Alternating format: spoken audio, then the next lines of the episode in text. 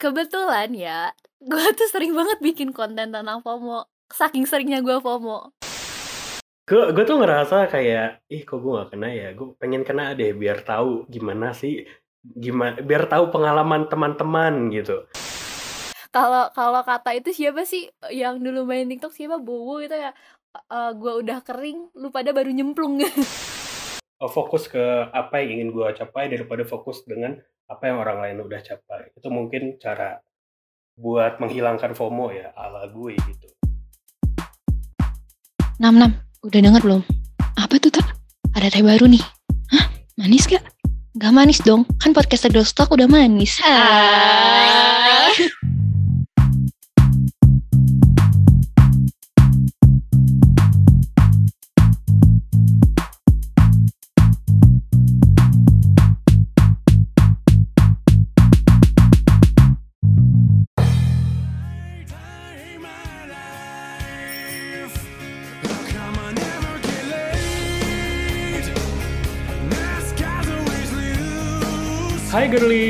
balik lagi di Ahong Stock. Hari ini kita bakal ngomongin tentang Wait, yes, yes lu siapa tuh? FOMO ya?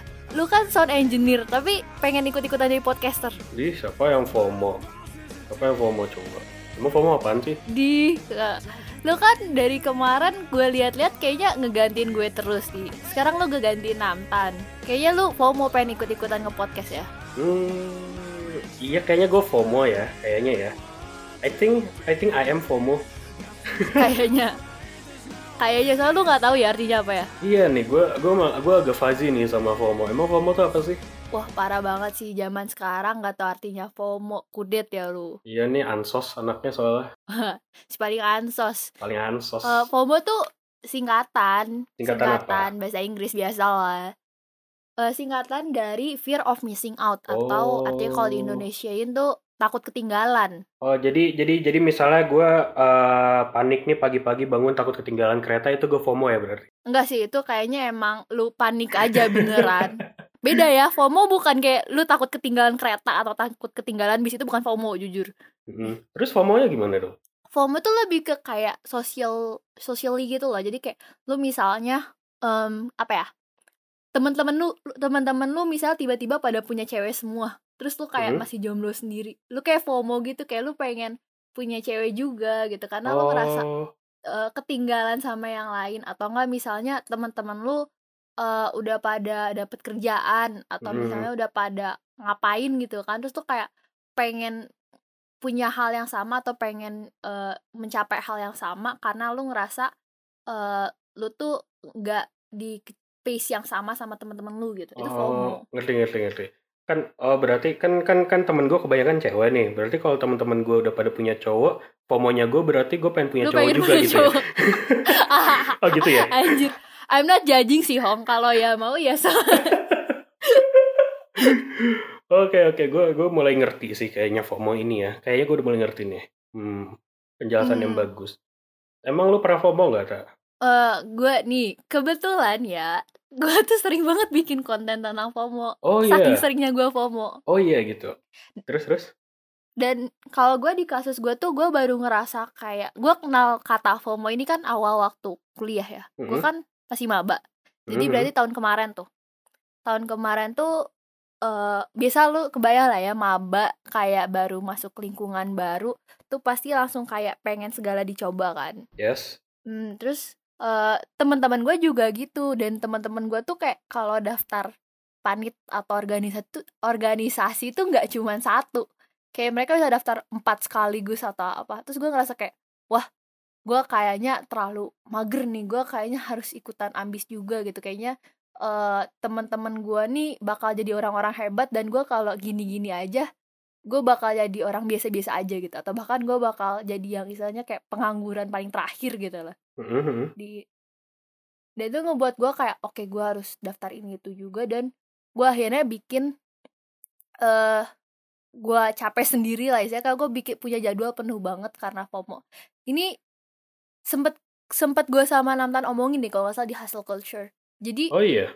salah satu alasan hustle hustling itu dari FOMO kayak ada hubungannya gitu loh Mhm. Ya, jadi kayak misalnya kayak kan karena lu takut ketinggalan lu jadi eh, terlalu ambisius dan akhirnya lu ngambil lebih dari apa yang lu mampu gitu dan ya itu lu hustling lu capek burn out jadi Oh, sebenarnya oke. kayak FOMO tuh not a good thing juga gitu loh Oke, I see, I see, I see. Ntar gue jadi gue jadi penasaran deh. Eh, apa namanya? Kan waktu awal tahun ini kan si nganu apa? Si COVID tuh lagi Omicron rame rame kan. Nah, teman-teman Mm-mm. gue itu kebetulan waktu itu kena semua ceritanya, banyak yang kena. Terus gue sendiri nggak kena-kena nih. Dan terus lu FOMO gitu ih, gue gue tuh ngerasa kayak, ih kok gue nggak kena ya? Gue pengen kena deh biar tahu gimana Kok- sih, gimana biar tahu pengalaman teman-teman gitu. Itu FOMO jatuhnya. ah jadi kayak kau bahkan virus aja nggak mau sama gua gitu ya I- iya anjir itu kayak apa ya kayak jomblonya sakit banget gitu virus aja menjauh dari gue tapi kata gua it's not worth it sih. Kayak gue juga sempet ngerasa yang lo rasain ya. Terus kayak orang-orang kena eh, apa covid gitu ya tahu. Mereka kalau ngobrol tuh kayak bisa relate gitu kan satu sama lain. Mm-mm. meanwhile gue kayak ah emang kayak gimana sih? Gue nggak pernah kena. Pas gue kena kayak oh anjir ternyata gini cuman ironinya setelah gue kena nggak ada yang pernah ngomongin lagi. Ya Jadi udah pada "Sialan udah lewat. ya." mas masanya udah lewat ya? Iya sama. Kalau gue kenal sekarang nih insya Allah enggak kalau gue kenal sekarang nih gue nggak akan bisa relate juga pasti. Soalnya teman-teman udah kenal lama banget. Kalau kalau kata itu siapa sih? Yang dulu main TikTok siapa? Bowo itu ya? Eh gue udah kering lu pada baru nyemplung. Itu kata siapa sih bawa TikTok ya? Iya gue masih ikut aja zaman zaman TikTok masih alay katanya waktu itu tapi serius deh gue juga eh, gak ngira eh, FOMO ini kayak euforia yang sangat em, common ya di Mhm. kalangan kita soalnya gue tuh baru sadar tuh setelah gue bikin konten di TikTok tentang FOMO Mhm. dan engagementnya lumayan tinggi oh iya. Tapi kalau gue bikin konten lain tuh kayak kurang gitu kan. Tapi kalau gue bikin konten FOMO tuh kayak engagementnya tinggi. Mungkin berarti kan kayak mungkin Oh, kayak orang orang-orang banyak. emang pada FOMO kali ya. Mereka in a way or another tuh ada FOMO-nya sendiri gitu. Hmm, dan gue rasa kayak yang paling eh, sering ngerasa FOMO tuh di kalangan yang adults atau enggak kayak remaja. Pokoknya dari SMA sampai awal kerja deh kayaknya gue rasa. oh Karena kalau udah makin makin dewasa tuh makin tahu prioritas lu kan. Kayak lu udah sadar kayak semua orang punya kecepatan Mm, hidupnya masing-masing. bener-bener Kalau remaja kan kayak peer pressure-nya tinggi gitu ya. Kayak gue harus lihat ngikutin teman-teman gue. bener-bener gue punya teori kalau orang belum menjala belum merasakan quarter life crisis itu FOMO-nya masih gede kalau dia udah lewat itu FOMO-nya langsung hilang percaya nggak percaya nggak Lu emang lu udah pernah? karena umur berapa sih kebetulan sekarang? gue sekarang gue sekarang dua-dua kan karena kebetulan pas gue umur 21 Ah. itu gue ngerasain quarter life crisis Belum quarter dong, quarter tuh kan 25-an. Iya, itu kan kalau kita ngomongnya ke 100 umur ya kan, oh, tapi gue mah mikirnya Oh, umur iya. ekspektasi manusia kan 83 rata-rata. Jadi Ah iya iya. jadi kalau gue 21 masih in a sense masih QLC dan gue akan menganggap itu QLC karena simptomnya sama. Ya waktu Hmm. gue umur 21 tuh gue FOMO banget waktu ngeliat teman-teman udah lulus, teman-teman volunteer sini, volunteer situ, ada yang exchange ke luar negeri, tapi kok gue di sini-sini Mm-mm. aja gitu. Skripsi gue belum kelar, ya gitu lah pokoknya. Tahun kemarin gila lah gitu. Kocak ininya. Tapi terus habis gue Hmm. udah menjalani itu semua, everything got better, ya udah FOMO gue pun hilang gitu. Mungkin itu akan terjadi pada Hmm. pada teman-teman semua yang merasakan FOMO nanti. Kalau situasi yang lu ngerasa FOMO lu paling parah tuh waktu apa deh?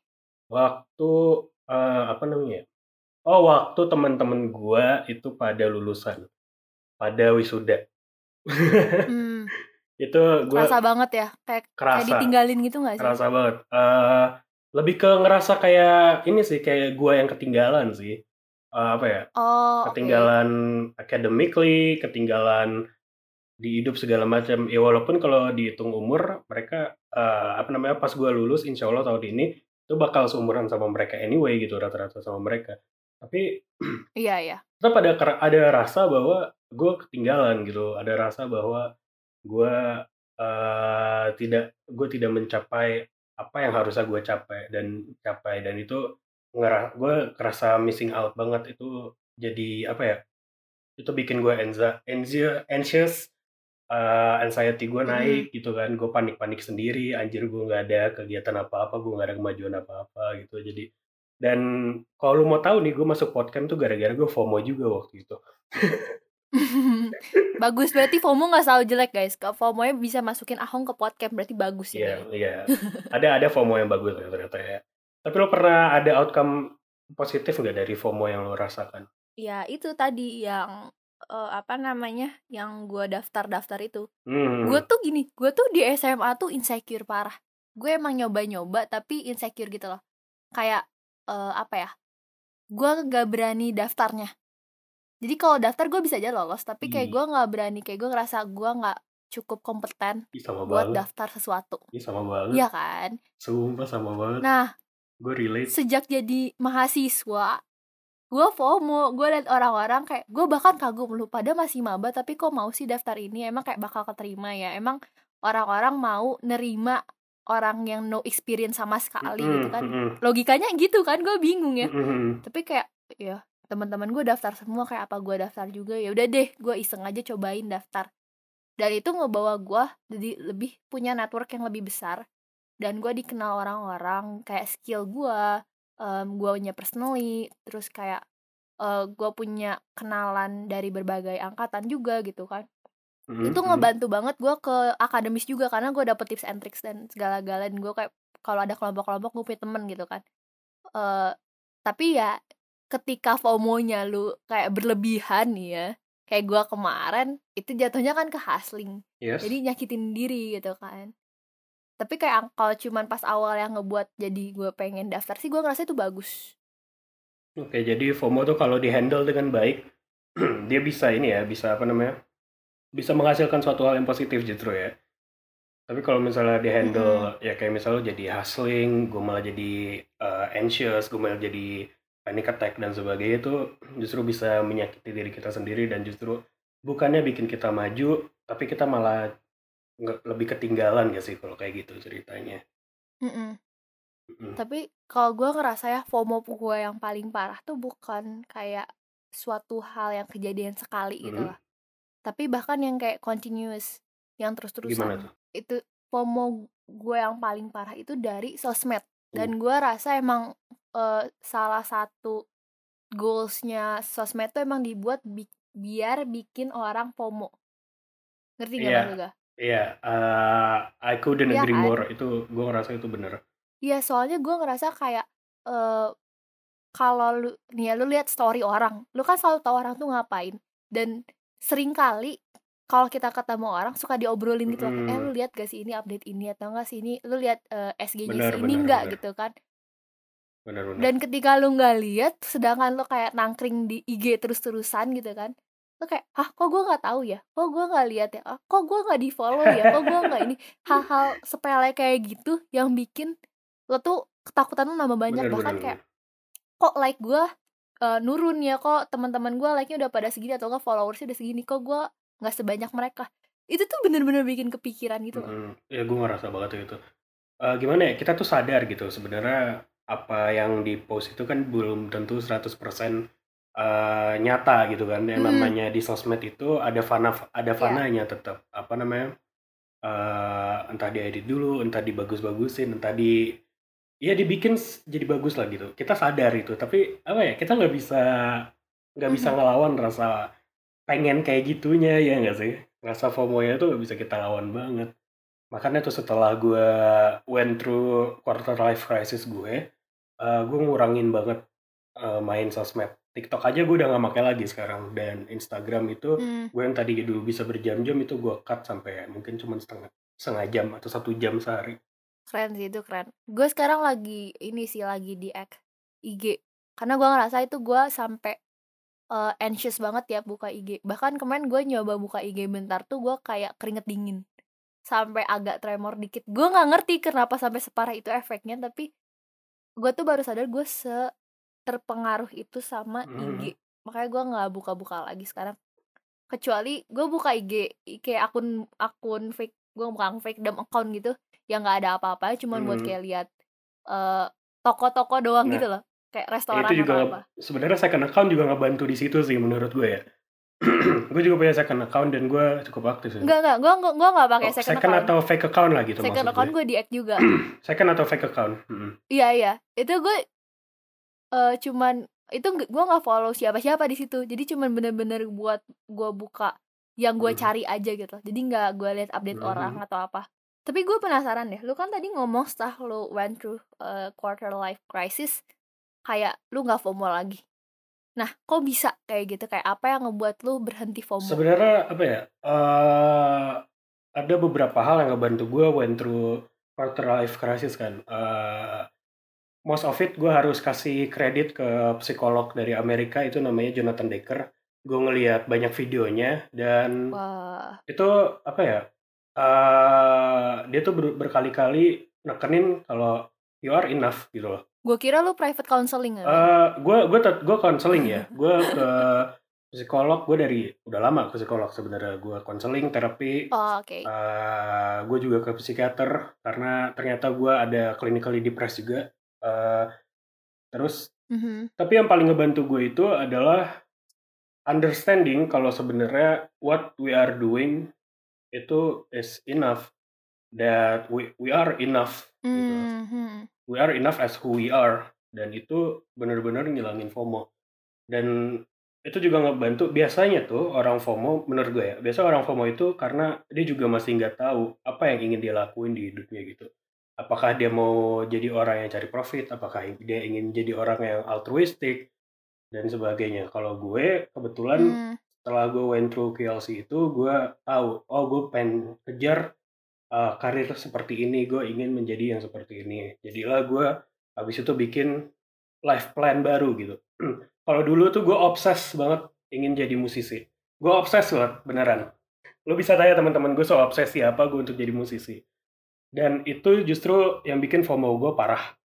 Karena teman-teman gue kebetulan banyak yang di dunia musik kan. Dan kalau ngelihat mereka manggung tuh gue kadang ada iri gitu. Kok gue nggak bisa manggung gitu eh, dan sebagainya kan nah terus akhirnya setelah gue setelah gue mengganti obsesi bukan obsesi ya setelah gue mengganti life goal gue gitu menjadi hal yang lain menjadi hal yang emang eh, oh ternyata true to myself gitu Eh, itu hilanglah FOMO gue gitu. gue jadi bisa lebih menerima diri gue apa adanya dan gue bisa eh, melihat ke, lebih ke depan gitu loh. Eh, fokus ke apa yang ingin gue capai daripada fokus dengan apa yang orang lain udah capai. Itu mungkin cara buat menghilangkan FOMO ya ala gue gitu Hmm, tapi I'm really amazed deh eh, sama lo. Lo gue ngeliat lo kayak keren banget jujur. Soalnya kayak gue tahu banget knowing ka we are enough sama understanding we are enough tuh a very different thing, Mm-mm. ya kan? Kayak kita tahu kalau sebenarnya kita tuh cukup, tapi buat kita paham dan actually believe it, itu tuh hal yang susah banget kata Iya gue. emang susah, itu susah banget. Gue nggak akan downgrading itu ya, itu emang sebuah hal yang susah. Dan kalau emang Hmm. bukan karena support dari orang, kalau bukan karena eh counseling dan sebagainya, eh ya gue nggak akan bisa juga believing kalau gue udah enough gitu. Ya maksudnya, tapi gue Mhm. klarifikasi, maksudnya ngomong bahwa gue enough itu bukan berarti gue puas akan diri gue sendiri dan gue nggak nggak mau berkembang gitu. Enggak, nggak gitu. Tapi maksudnya adalah eh, kita nggak perlu jadi orang lain untuk bisa bahagia, untuk apa namanya, untuk bisa sukses di true, dunia ini gitu. Dan oh ya ini juga membantu gue eh, pemahaman bahwa kesuksesan adalah hal yang relatif. Itu juga ngebantu gue untuk menjadi lebih tenang buat jalanin hidup. Nah ini juga jadi hal yang penting ya karena apa eh, yang harus dibahas karena kita itu kan selalu diajarin kalau parameter kesuksesan itu punya duit banyak, eh, punya bisnis berapa biji, Kaya. kaya lah gitu lah ya. Parameter sukses gitu ya. Nah, tapi setelah gue pikir-pikir itu tuh sebenarnya hal yang toksik untuk diajarkan secara kaku gitu. Karena sebenarnya yang namanya sukses itu sangat relatif. Dan dengan Betul. memahami bahwa Betul. dan dengan memahami bahwa kita bisa sukses dengan cara yang berbeda-beda, itu membantu banget untuk mengurangi FOMO. Karena pada akhirnya kita saat kita gagal, kita nggak akan merasa bad for ourselves, kita nggak iri pada orang lain, kita justru akan mencari cara yang emang terbaik buat kita. Itu menurut gue sih. Iya. in my personal opinion sukses itu ketika lu ngerasa bahagia dengan apa yang lu punya apa lu rasakan dan uh, lu kayak gimana saat itu kayak gue ngerasa itu sukses banget Mhm. eh and to sum it up gue ngera eh, gue mau nge kayak ngerangkum dia Boleh, cara biar gak FOMO dari ceritanya Ahong kayaknya intinya sih gue rasa itu self control ya gak kayak lu harus tahu Yes, yes. em, limit lo di mana kayak kapabilitas lo dan kayak apa yang ngebuat lu FOMO kayak lu harus lebih aware sama lu dan lingkungan lu dan pola pikir karena Betul. ketika lu punya self control lu bisa ngebatasin waktu lo di sosmed lu bisa ngebatasin berapa kepanitiaan yang lu daftar gitu kan betul, betul, betul. lu bisa kayak ngebatasin bahkan eh, life goals lu maksudnya gue gua nggak bilang kayak ya bermimpi tetap aja lah setinggi mungkin tapi Yes. kayak tetap realistis ya kan Iya, bener. kayak misinya tuh harus jelas gitu lo jangan eh, visinya setinggi apa tapi misinya tuh lu kayak eh, ngawang-ngawang juga gitu Benar, kan benar, benar. ketika lu punya self control ini lu bakal bisa menghindari FOMO Gue setuju itu benar. jadi bukan FOMO tapi lebih eh, kalau lu lihat orang-orang tuh lu nggak ngerasa ketinggalan tapi lu ngelihat mereka sebagai motivasi Ya, ada motivasi atau ya sudah banyak orang lain yang menjalankan hidupnya. Hmm, atau gitu. hanya orang lain ya ya namanya FOMO kan itu suatu fear fear ini sesuatu yang sebisa mungkin lu hindari deh kalau kata gue kayak udah eh, think positively aja betul. gue ngerasa hipokrit ngomong gini tapi ini kayak suatu saran yang bagus Gak banget. Anyway. Gak apa-apa. Pelan-pelan, anyway pelan-pelan. Lu tahu gak sih sebenarnya ini episode terakhir Girls Talk di season ini Really? tahu ya lu tahu Really? soalnya karena di season depan kita gak ganti kita nggak Talk lagi tapi ganti nama jadi Ahong Talk Hey. nanti podcasternya Ahong pokoknya Masa udah- Ahong doang podcasternya? iya jadi di episode di episode di season berikutnya em, udah nggak ada Talk ya guys tapi adanya Ahong Talk yang bakal di hostin sama Ahong, diedit sama Ahong, eh, program direkturnya juga Ahong. Ada aja Pokoknya semuanya semuanya Ahong. semuanya Ahong. Pokoknya by Ahong eh, to Ahong for A- apa sih ya? Pokoknya Ahong semua. By Ahong for Ahong. To Ahong kayak whatever. Ya whatever.